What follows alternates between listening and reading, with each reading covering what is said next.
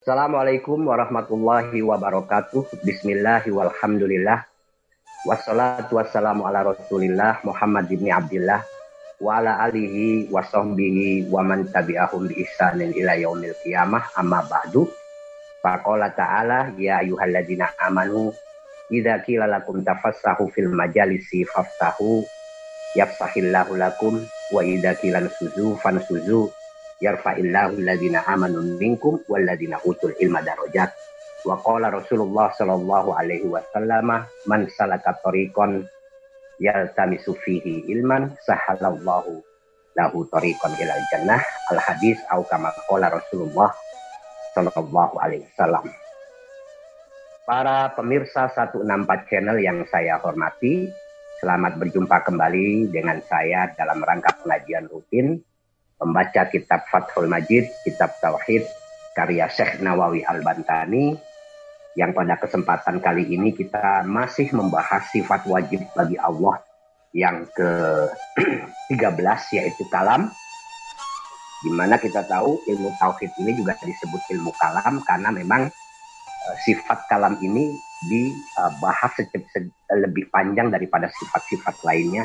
Dan memang ada pembahasan yang lebih apa agak rumit untuk dipahami sehingga dengan demikian ilmu tauhid ini juga disebut dengan ilmu kalam. Ahli ilmu tauhid itu sering kali juga disebut dengan mutakallimin yang dalam bahasa Indonesia-nya itu disebut teolog, orang-orang yang ahli di bidang teologi. Nah, kemarin kita sudah berbicara tentang sifat Allah yang ke-13 yang belum tuntas, yaitu sifat kalam, bahwa Allah itu memiliki sifat kalam yang artinya itu berkata-kata.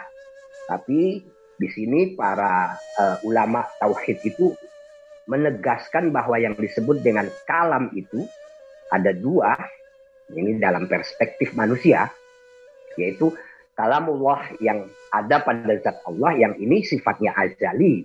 Dia tidak menggunakan huruf, tidak menggunakan harokat, tidak berbentuk larangan, tidak berbentuk perintah, tidak menggunakan, tidak ada surah, tidak ada macam-macam.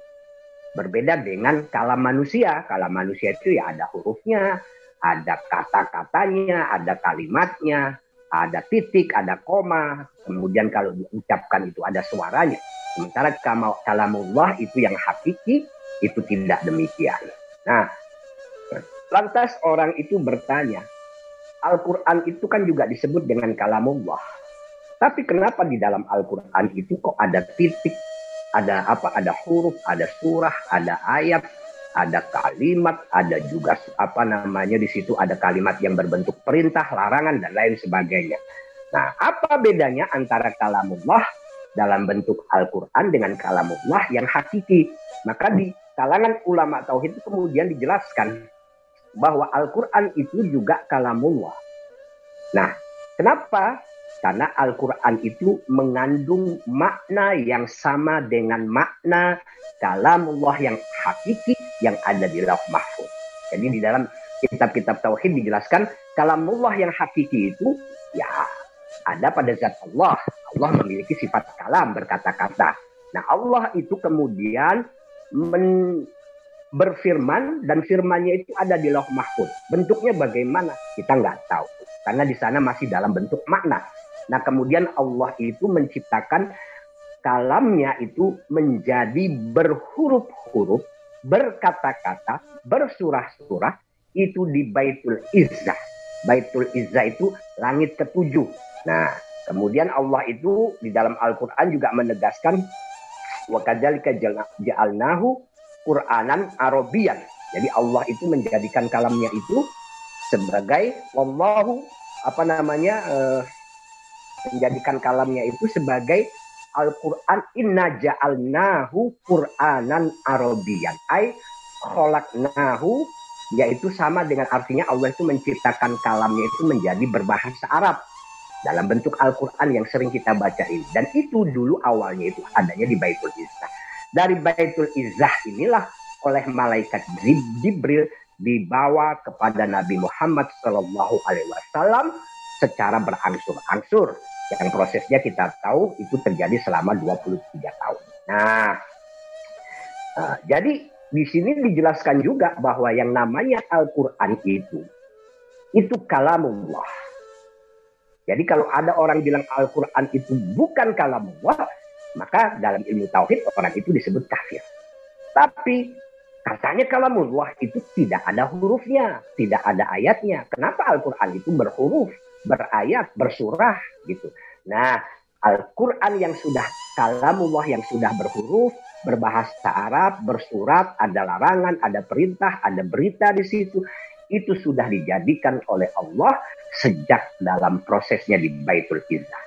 Inna ja'alnahu Qur'anan Arabian. Kami menjadikannya Quran itu apa namanya uh, uh, kalamullah itu sebagai Quran yang uh, berbahasa Arab. Jadi ini Kemudian oleh sebab itu karena Al-Quran itu mengandung makna yang sama dengan makna yang ada di lauh mahfud, dengan makna kalamullah yang ada di lauh mahfud, maka kalimat-kalimat yang ada di dalam Al-Quran itu disebut dengan al-alfat asyarifah, lafal-lafal mulia. Maka dari itu kita dalam madhab syafi'i ketika ingin menyentuh Al-Quran wajib dalam keadaan bersuci.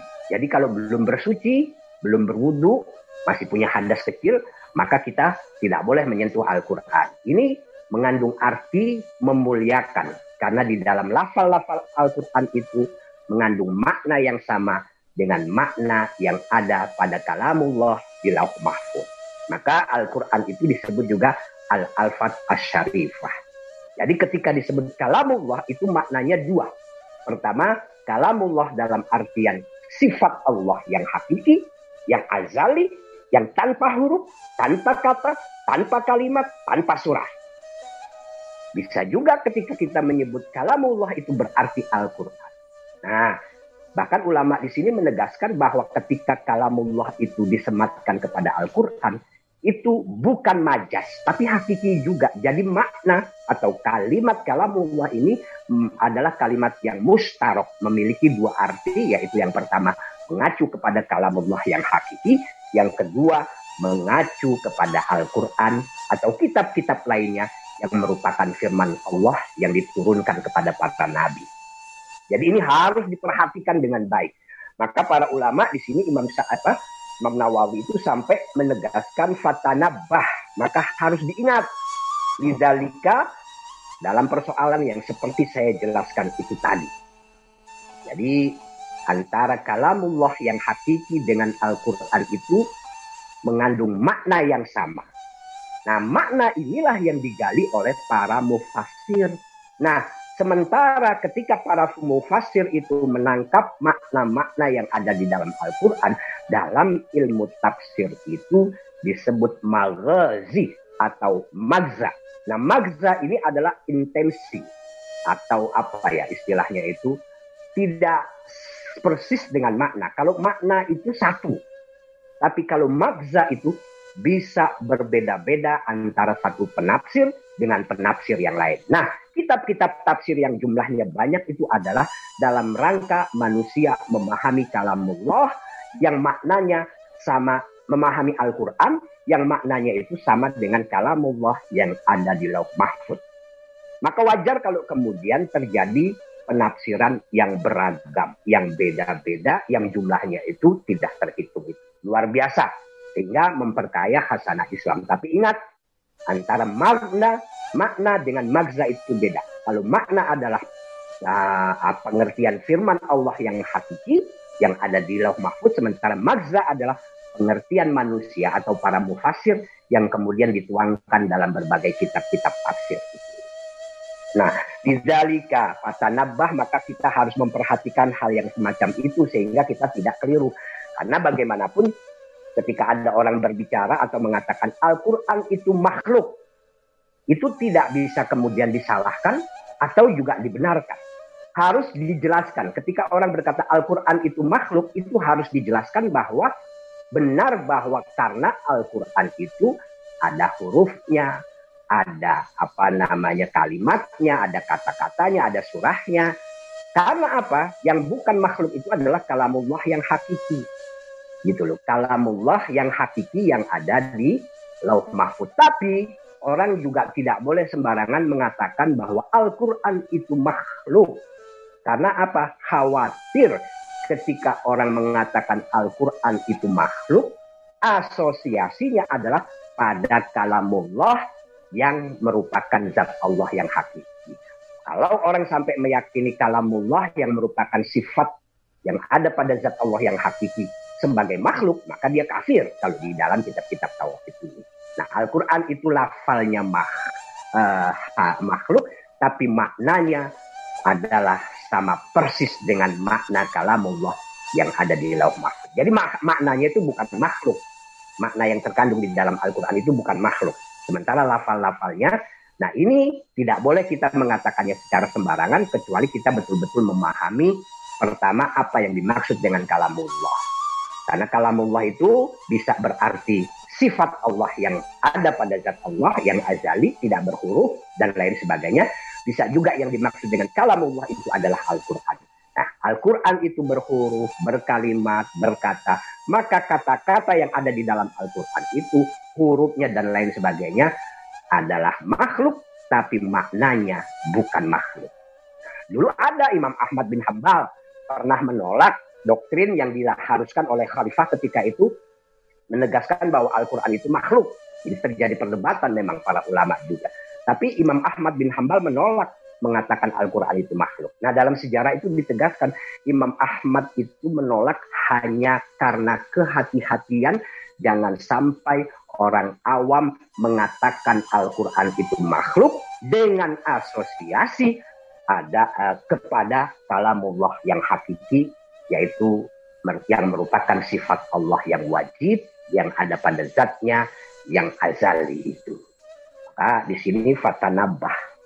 Kita harus betul-betul memperhatikan dengan baik. Nizalika untuk urusan yang seperti itu, yaitu soal kalamullah dan lain sebagainya, soal Al-Quran. Wahris dan hati-hatilah alaihi terhadap perkara ini. Fa'innahu yaglitu fihi. Maka sesungguhnya dalam yang demikian ini, yaglitu fihi banyak yang keliru. Kasiru minan banyak banyak orang yang kemudian salah paham soal soal seperti ini. Gitu. Uh, maka penting sekali memahami uh, sifat wajib bagi Allah yang ke-13 ini yaitu sifat kalam yang memang agak rumit maka dari itu ilmu tauhid itu juga disebut dengan ilmu kalam karena ilmu kalam ini atau sifat kalam ini pembahasannya lebih rumit dibanding sifat-sifat yang lainnya. Suma'lam kemudian ketahuilah anna kalamahu ta'ala sesungguhnya kalamnya Allah Subhanahu wa taala yutlaku bil istirok. Jadi kalimat kalamullah itu diucapkan dalam pengertian istirok. Istirok itu artinya mengandung kemungkinan arti lebih dari satu. Nah, lebih dari satu. Ala ini terhadap dua perkara. Jadi ketika diucapkan kalamullah itu bisa mengandung arti dua fayutlaku ala sifat al-qadimah al-qaimah bidatihi. Jadi kalamullah itu juga dikatakan untuk sifat Allah yang qadim yang ada pada zatnya Allah Subhanahu wa taala. Wa hadza qadimun. Nah, kalamullah yang ini adalah bersifat qadim, munazzahun, bersih minat taqaddum dari dahulu wa ta'akhur dan belakangan. Kalau bahasa Indonesia-nya itu dia tidak tersusun dari subjek, predikat, objek. Tidak ada mubtada, tidak ada khobar gitu. Karena ini kalamullah yang hakiki, yang ada pada zat Allah, imatun bidzatihi. Nah. Wal harfi dan juga tidak ada hurufnya. Wasauti tidak ada suara. Wa ghairi dzalik dan lain-lain. Nah, ini kalamullah yang merupakan sifat Allah yang ada pada zatnya Allah Subhanahu wa taala. Itu munazzahun anit taqaddum wa ta'akhur. Dia tidak ada subjek, predikat, objek, tidak ada muktada, khobar, tidak ada huruf, tidak ada suara, dan lain-lain. Min sifatil kalam dan tidak ada yang lain-lainnya dari sifat-sifat kalam ya. Sifat-sifat kalam itu ya namanya kalimat, ucapan itu pasti ada ya berbentuk berita, khobar, ada yang berbentuk amar, perintah, ada yang berbentuk nahyu atau larangan. Nah, kalamullah yang hakiki tidak ada yang begitu-begitu. Itu kan kalam-kalam seperti itu adalah sifat kalamnya manusia, sifat ucapan manusia. Manusia kalau berkata-kata pasti pakai huruf, pakai suara, pakai ada yang terdahulu, ada yang belakangan, ada mutada, ada khobar, ada subjek, predikat, objek, kemudian juga ada perintah, ada e, larangan, ada juga sekedar cerita. Itu kalam manusia. Sementara kalamullah yang hakiki itu tidak seperti itu. Munazzahun bahasanya itu. Bersih atau suci dari hal-hal demikian itu. Wa yutlaku ala lafzi al-munazzal. Jadi kalamullah itu juga bisa dikatakan untuk lafal-lafal yang diturunkan ala sayyidina Muhammadin sallallahu alaihi wasallam kepada Nabi besar Muhammad sallallahu alaihi wasallam yaitu Al-Qur'an wa yusamma aidon Al-Qur'an. Jadi lafal-lafal yang diturunkan kepada Nabi Muhammad berupa wahyu yang kemudian kita kenal sebagai Al-Qur'an itu bisa disebut juga dengan kala kalamullah. Jadi ketika orang mengucapkan kata kalamullah, kalamullah itu bisa berarti sifat Allah yang ada pada zat, pada zat Allah yang bersifat kodim, juga bisa berarti Al-Quran yang diturunkan kepada Nabi besar Muhammad Wasallam. Wahazal itlaq dan pengucapan ini jadi kalamullah untuk dua makna hakiki itu hakiki bukan majas bukan. La majaziun bukan majas karena kalamullah ini kalimat yang istirok atau mustarok. Jadi memiliki dua arti atau memiliki dua arti yang lebih dari satu. Bisa berarti kalamullah adalah sifat Allah yang hakiki, yang koimat koimun bidatihi, ada pada zat Allah. Bisa juga kalamullah itu disematkan kepada apa yang kita kenal sebagai Al-Quran. Faman kola inna, barang siapa berkata, inna hadhihi surah, bahwa surah ini ya surah Fatihah, surah Yasin, surah Al-Baqarah atau surah-surah lainnya laisat min kalamillahi bukan kalamullah yakfur maka dia kafir. Jadi kalau ada orang yang mengatakan oh Al-Qur'an itu bukan kalamullah atau salah satu surahnya bukan kalamullah maka dia kafir. Gitu. Maka dia dia kafir gitu. Wa kalamullah dan yang disebut dengan kalamullah bil makna al-akhir dalam makna yang terakhir yaitu Al-Quran hadisun yaitu sesuatu yang baru. Karena apa? Karena dia ada hurufnya, ada katanya, ada susunannya, ada muktada, ada khobar, ada apa lagi ya, ada cerita di situ dan lain sebagainya, ada larangan, ada perintah. Nah, semua itu hadis baru. Jadi kalamullah dalam pengertian Al-Quran itu hadis. Kholaqahullahu yang Allah ciptakan ta'ala fil lauhil mahfud. Sejak di lauh mahfud. Allah ciptakan itu. Jadi kalamullah dalam bentuk Al-Quran itu adalah hadis baru. Karena Allah menciptakannya di lauh mahfud. Sementara kalamullah sebagai sifat Allah yang hakiki, yang imun bidati, itu bukan hadis. Itu kodim. Nah inilah pentingnya kita belajar ilmu tauhid, ilmu kalam ini supaya kita bisa membedakan khalaqahullahu ta'ala fil lauhil mahfud. Yang Allah ciptakan di lauh mahfud. Wa ja'alahu jalan alama ya dulu alaihi.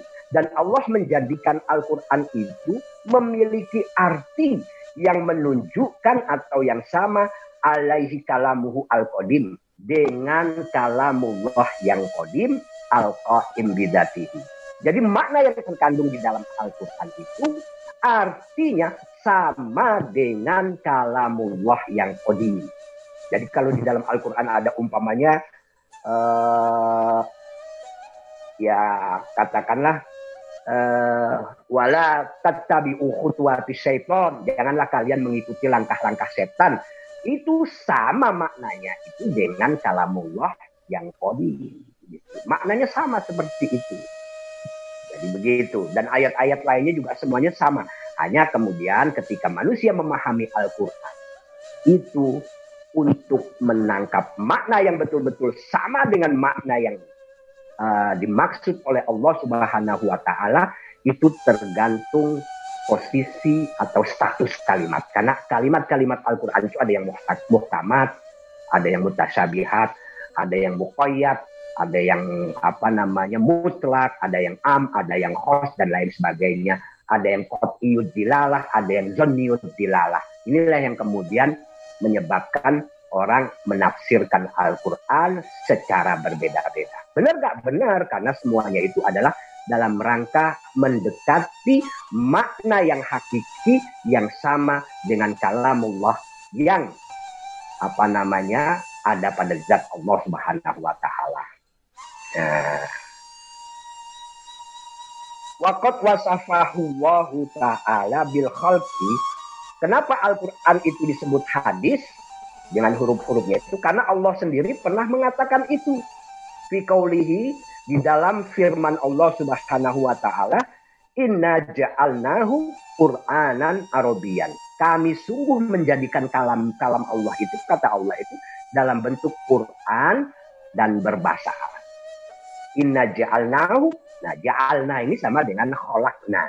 Jadi Allah menciptakan kalamnya itu menjadi Al-Quran yang berbentuk huruf, surah, dan lain sebagainya. Maka Al-Quran dalam bentuk huruf, surah, dan lain sebagainya itu disebut hadis.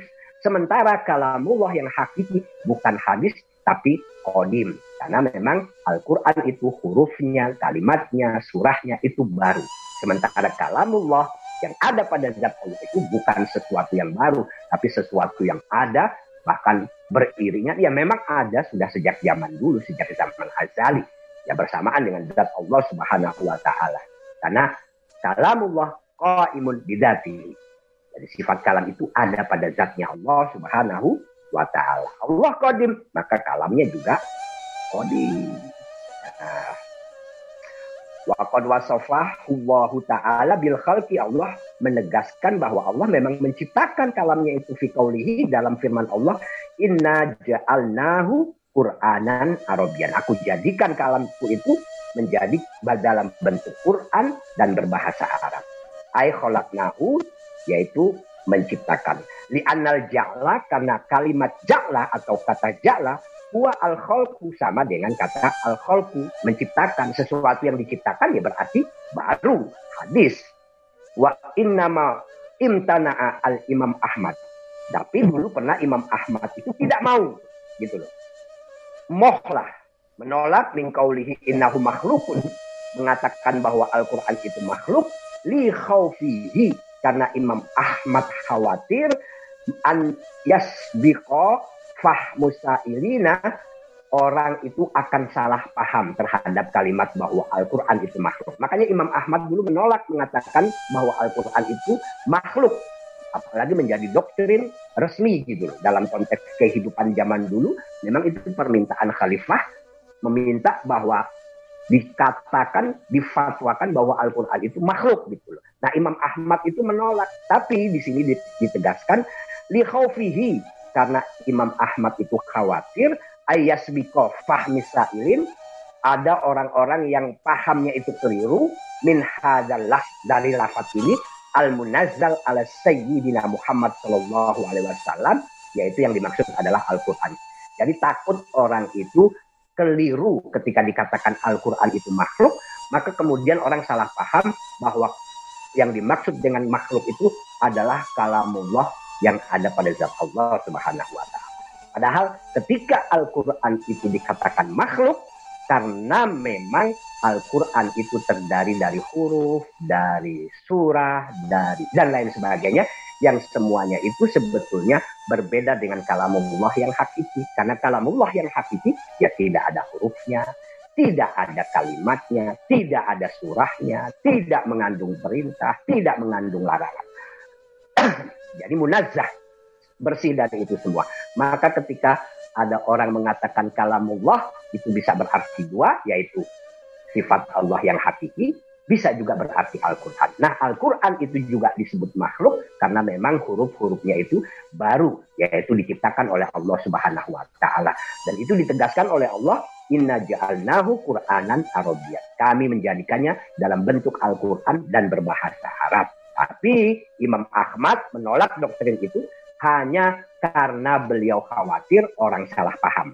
Itu aja. Uh, ila sifat al-qadimah. Takutnya orang itu ketika mengucapkan bahwa kalamullah yang dalam bentuk Al-Quran itu kodim, apa hadis atau makhluk, asosiasinya justru ke kalamullah yang hakiki. Itu yang dikhawatirkan. uh, ila sifat al-qadimah al-qaimah bidatihi ta'ala kepada asosiasinya kepada sifat yang ada pada zat Allah Subhanahu wa taala. Fayakfuru, maka kalau ada orang mengatakan bahwa kalamullah yang merupakan sifat Allah yang hakiki itu makhluk, maka fayakfuru dia jadi kafir gitu loh. Fasadda maka rusaklah uh, fasadda maka daripada ada orang salah paham terhadap soal itu, maka Imam Ahmad itu menutup pintu kemungkinan terjadinya salah paham. Maka beliau menolak mengatakan Al-Quran itu makhluk. Nah itu maksud dari fasadda eh, alaihimul bab. Jadi pintu kemungkinan orang salah paham ditutup oleh Imam Ahmad. Wa yukhadu min il Imam Ahmad bin Hambal annahu la. Jadi dari pikiran Imam Ahmad itu kita bisa memahami bahwa laya juzu tidak diperbolehkan. Lisahsin pada tidak diperbolehkan untuk seseorang apa yang tidak diperbolehkan ayakula liman fahimahu kosir. Jadi kita mengatakan sesuatu, uh, mengatakan tidak boleh mengatakan kepada orang yang pikirannya itu ya tidak mampu lah menjangkau, rendah atau pendek ya istilah sekarang orang nggak berwawasan, orang nggak berpendidikan, orang awam gitu tidak boleh kita mengatakan apa yang tidak boleh. Lima ya ayakula liman fah fahmuhu qasirun. La ya'rifu hadat tafsir tidak mengerti pembahasan ini yaitu soal kalamullah hubungannya dengan zat Allah dan Al-Qur'an. Belum ini orang-orang awam lah. Maka kita tidak boleh mengatakan Al-Qur'an itu makhluk kepada mereka. Karena takutnya mereka salah paham. Kecuali dalam proses pendidikan pembelajaran. Dan itu harus dijelaskan dulu seperti yang sudah saya sampaikan itu tadi sehingga orang tidak salah paham gitu loh. Jadi kata Imam Ahmad tidak boleh sembarangan mengatakan Al-Quran itu makhluk. La yajuzu li sahsin ayyakula liman fahmuhu. Liman fahmuhu qasirun la ya'rifu hadat tafsir innahu makhlukun. Tidak boleh mengatakan sesungguhnya Al-Qur'an itu makhluk. Bi alla yasbiqu fahmu ila sifat al-qa'imah al-qadimah bidzatihi ta'ala. Al-qadimah al-qa'imah bidzatihi ta'ala takutnya orang itu ketika dikatakan Al-Quran itu makhluk, kemudian dia menyamakan berarti kalamullah yang hakiki itu juga makhluk. Takutnya seperti itu. Nah, karena kalau orang meyakini bahwa atau mengatakan bahwa kalamullah yang hakiki, yang ada pada zat Allah itu makhluk, berarti dia kafir. Kenapa? Kalamuhu ta'ala al-qadimah al-qaimah bidatihi itu sifatnya kodim, bukan makhluk, bukan hadis. Fa'in kila, apabila ada yang bertanya, Ida kana kalamuhu ta'ala bila harfin, laisa bi harfin. Ketika kalamnya Allah itu tidak tidak terdiri dari huruf, wala sautin dan juga tidak ada suaranya. Fakaifa yafhamu. Fakaifa yufhamu. Maka bagaimana bisa dipahami gitu. Bagaimana mungkin ada kalam tidak ada hurufnya, tidak ada bersuara, tidak bersuara. Bagaimana dipahami? Fakaifa yufhamu maka bagaimana memahaminya? Ma'anna sayyidina Musa. Ma'anna sayyidina Musa. Padahal Nabi Musa, Sayyidina Musa alaihi salatu wassalam fahima fah, fahimahu bisa memahaminya. Nabi Musa itu bisa memahaminya. Ini pada peristiwa ketika Nabi Musa itu bermunajat bertemu dengan Allah Subhanahu wa taala. Fahimahu lama najahu ala jabali turisina. Ketika Nabi Musa itu bermunajat dengan Allah Subhanahu wa taala di jabal atau di gunung Bukit Tursina.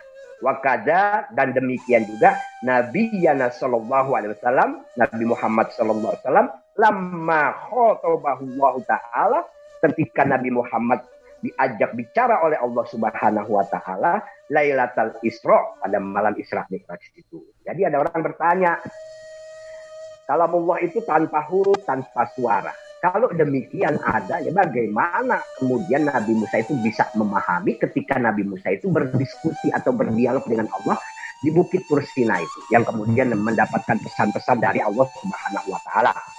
Begitu juga Nabi Muhammad pernah pada malam Mi'raj itu bertemu dengan Allah dan Allah berbicara dengan Nabi Muhammad. Nah, bagaimana Nabi Muhammad dan Nabi Musa dapat memahami itu kalau kalamnya Allah itu tanpa suara, tanpa huruf. fal jawabu maka jawabnya adalah uh, annallaha ta'ala annalillahi ta'ala sesungguhnya Allah itu annallaha ta'ala sesungguhnya Allah idza arada ayyufhima kalamahu ketika Allah itu menginginkan kalamnya itu dipahami oleh orang li ahadin kepada seseorang Ida aradallahu ketika ida arada ayufhima kalamahu ketika Allah itu menginginkan kalamnya itu dipahami di ahadin kepada seseorang alqafi qalbihi maknahu. Allah akan memasukkan makna dari kalamnya itu ke dalam hati orang yang diajak bicara dalam hal ini Nabi Muhammad dan Nabi Musa jadi Allah itu kalamnya tidak ada hurufnya tidak ada suaranya Bagaimana Nabi Musa, bagaimana Nabi Muhammad bisa memahami kalamullah? Karena tidak ada suara, tidak ada hurufnya. Maka dijawab ketika Allah menginginkan makhluknya, hambanya dapat memahami kalamnya, maka Allah masukkan makna kalam itu ke dalam hati hamba-hambanya. Sehingga ya sudah, dengan demikian mereka jadi paham. Nabi Muhammad paham tentang kalamullah, Nabi Musa juga paham. Nah, tentu kita kemudian membayangkan kira-kira dulu bagaimana Nabi Muhammad dan Nabi Musa ketika berdiskusi, berdialog dengan Allah. Ya, prosesnya tentu berbeda dengan saya berdialog dengan Anda. Beda. Karena memang di situlah Allah menanamkan atau memasukkan makna kalamnya ke dalam hati Nabi Musa dan Nabi besar Muhammad Sallallahu Alaihi Wasallam. Itu al fi qalbihi maknahu wa kalamuhu ta'ala dan kalamnya Allah Subhanahu wa taala itu al qadimu yang yang yang qadim itu yusma'u min jami'il jihad. Nah, ini juga beda dengan kalam kita.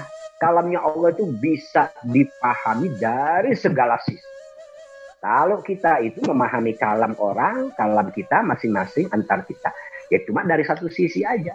Ada orang ngomong, ya kita bisa memahaminya ya karena kita ada telinga. Tapi kalamullah itu bisa dipahami dari ya dari segala sisi, dari segala sisi. Bagaimana itu ya kita tidak bisa menjelaskan hakikatnya. Wa kalamuhu ta'ala al-qadim dan kalamnya Allah yang qadim itu yusma'u min jami'il jihad. Bisa didengar dari segala arah. Jadi demikian. Uh, tentang penjelasan tentang ilmu kalam. Mudah-mudahan ini bisa dipahami. Jadi kata kuncinya kalamullah, apa hubungannya kalamullah ini dengan sifat Allah yang hakiki, yang kodim, al-qaim bidzatihi dengan Al-Quran. Nah, apa bedanya gitu loh. Dan kita harus bisa menjelaskan secara rinci, jangan sampai nanti ada salah paham. Kemudian, wa dalilu ala subutilahu ta'ala. Dalil bahwa Allah itu memiliki sifat kalam qauluhu ta'ala yaitu firman Allah itu sendiri. Apa firman Allah? Wa kallamallahu Musa taklima. Allah mengajak bicara kepada manusia eh, Nabi Musa taklima dengan pembicaraan yang sangat terang benderang, sangat jelas. Jadi di dalam Al-Quran itu ada ayat wa kallamallahu Musa taklima. Ini adalah bukti atau argumentasi bahwa Allah itu memiliki sifat sifat kalam. Ini bukti atau uh, dalil uh, nas, jadi dalil teks tentang bahwa Allah itu memiliki sifat kalam.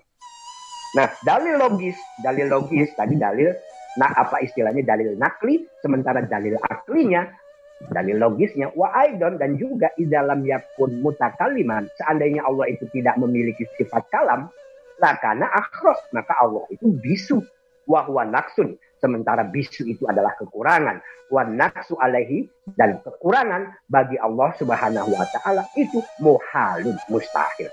Masa Allah itu tidak bisa ngomong. Kita aja manusia kalau tidak bisa ngomong berarti ada kekurangan.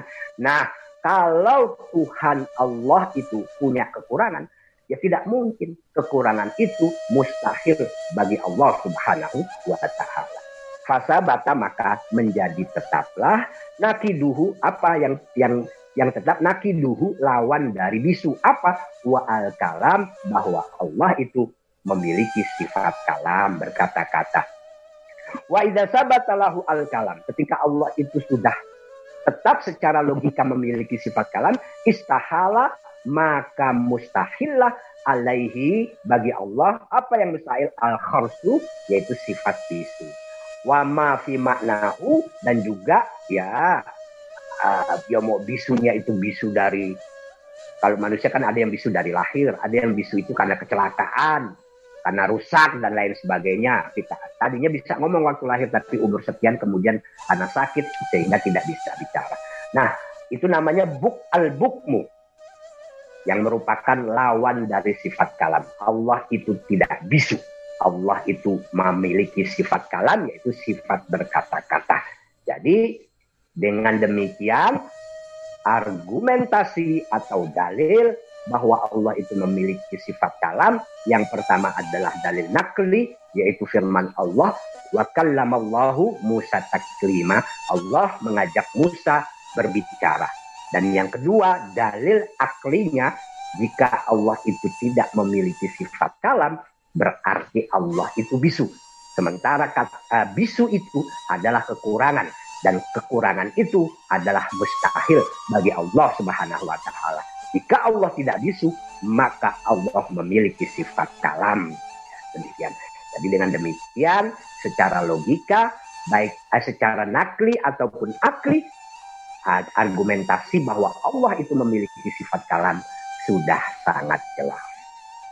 Baik, para pemirsa sekalian, Cukup sampai di sini pengajian kali ini. Mudah-mudahan apa yang saya sampaikan ini dapat dipahami dengan baik. Jika ada hal-hal yang mungkin kurang bisa dipahami, eh, silahkan bertanya di kolam eh, di kolom eh, baik di Facebook ataupun di YouTube. Silakan mungkin ada pertanyaan.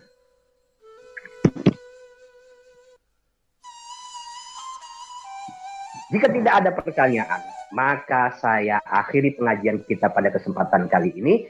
Mudah-mudahan kita selalu dilindungi oleh Allah Subhanahu wa taala dari segala penyakit, wabil khusus serangan virus corona dan siapa pun saudara kita yang sekarang dalam kondisi sakit, dalam kondisi apa namanya baik sakit karena corona ataupun sakit karena apa pun kita doa kita doakan mudah-mudahan mereka segera diberikan kesembuhan oleh Allah Subhanahu wa taala. Kurang lebihnya saya mohon maaf. Wallahul muwaffiq ila aqwamit Wassalamualaikum warahmatullahi wabarakatuh.